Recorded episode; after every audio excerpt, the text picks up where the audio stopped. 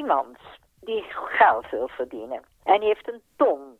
Dus wat denkt hij? Weet je wat ik doe? Ik koop een huis. Dan koop je een huis en dan ga je dat huis verhuren. En dan zet je er expats in en die expats worden betaald door de firma waar die mensen werken. Want het is voor die firma goedkoper dan dat je die hele familie in een hotel zet. En wat gebeurt er dan? Je onttrekt de huizen aan de huizenmarkt. Hier is Hanengekraai door Luc Drosten met Elisabeth Bierens de Haan.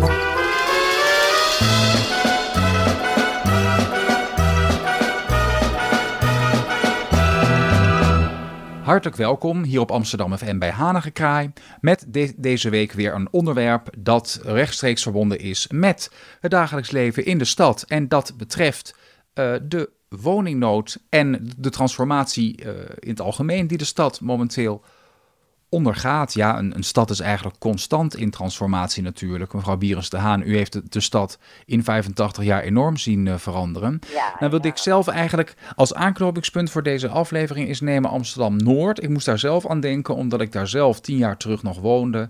Uh, waar je destijds nog gratis kon parkeren overal. Waar je eigenlijk nog voor relatief lage bedragen iets kon kopen of kon huren. Uh, een, een stadsdeel dat nog echt was van uh, het volk, hè? een relatief uh, volkse stadsdeel. En nu is de Noord-Zuidlijn er en schieten ook daar de prijzen enorm de lucht in. En wordt het bijna onmogelijk, en dat is natuurlijk ook momenteel een probleem van de stad, om als Jan Modaal nog binnen de ring te wonen. Kijk, het punt is dit. Amsterdam-Noord was vroeger Verkadefabrieken waren daar. Het was een, een stadsdeel waar fabrieken waren. De meisjes van Verkade. Die fabrieken zijn allemaal weg. Dus wat hebben ze gedaan? Ze hebben de grond gesaneerd. Ze hebben daar leuke flats, huizen neergezet. En iemand die geld wil verdienen. En die heeft een ton en die ton, die kan hij niet bij de bank parkeren. Dat kan wel, maar dan moet hij ervoor betalen. Dus wat denkt hij? Weet je wat ik doe? Ik koop een huis. Dan koop je een huis en dan ga je dat huis verhuren. En dan zet je er expats in en die expats worden betaald door de firma waar die mensen werken. Want het is voor die firma goedkoper dan dat je die hele familie in een hotel zet. En wat gebeurt er dan? Je onttrekt de huizen aan de huizenmarkt gewone wonen, het gezellige wonen in een stad wordt onmogelijk gemaakt door uh, de komst van uh, de buitenlanders. Die komen hier, die brengen natuurlijk geld in het laadje. Maar we snijden ons in onze vingers, want er zijn geen huizen, want die huizen worden gauw opgekocht. En het huis waar ik in woon, dat was een huis van nationaal grondbezit. Dat waren allemaal huurhuizen. En in de jaren zeventig zijn al die huizen verkocht. Dus als je een beetje slim was, dan kocht je voor zeg maar één ton kocht je een huis. En dan denk ik, ga lekker wachten, wachten, wachten, wachten. En die ene ton is nou een miljoen geworden. Mm En dat uh, percentage kan je nooit bij een bank krijgen. Als jullie meer dan een miljoen hebt, een miljoen en een twee ton, drie ton, en je zet het op de bank, dan moeten jullie betalen. En dat willen de mensen niet. Die willen hun geld stallen. Dat noemen ze stallen. En waar kan je het beter stallen? Door gewoon te zeggen, ik koop dat huis. Ik kijk hier uit op een huis waar ik nooit een kip zie. Ik zie daar nooit een mens. Ik zie er alleen een waterpomp op het dak. Nou, dat is ook een belegging. En, en dat geld, dat groeit wel. Ja. Want die grond, die groeit. Precies. In de rivierenbuurt hoorde ik dat studenten, die kunnen allemaal kamers vinden. Dus een vader, die geld heeft.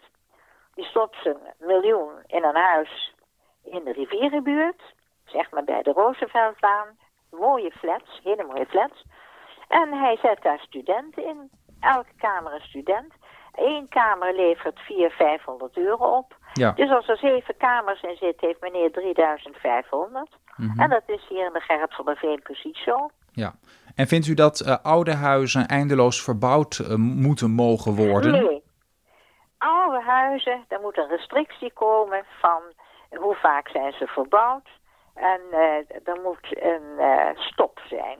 Dus wat hier, wat hier naast mij gebeurt, een hele aardige man, heel leuk gepraat. Maar hij was helemaal niet op de hoogte wat hier allemaal gebeurt.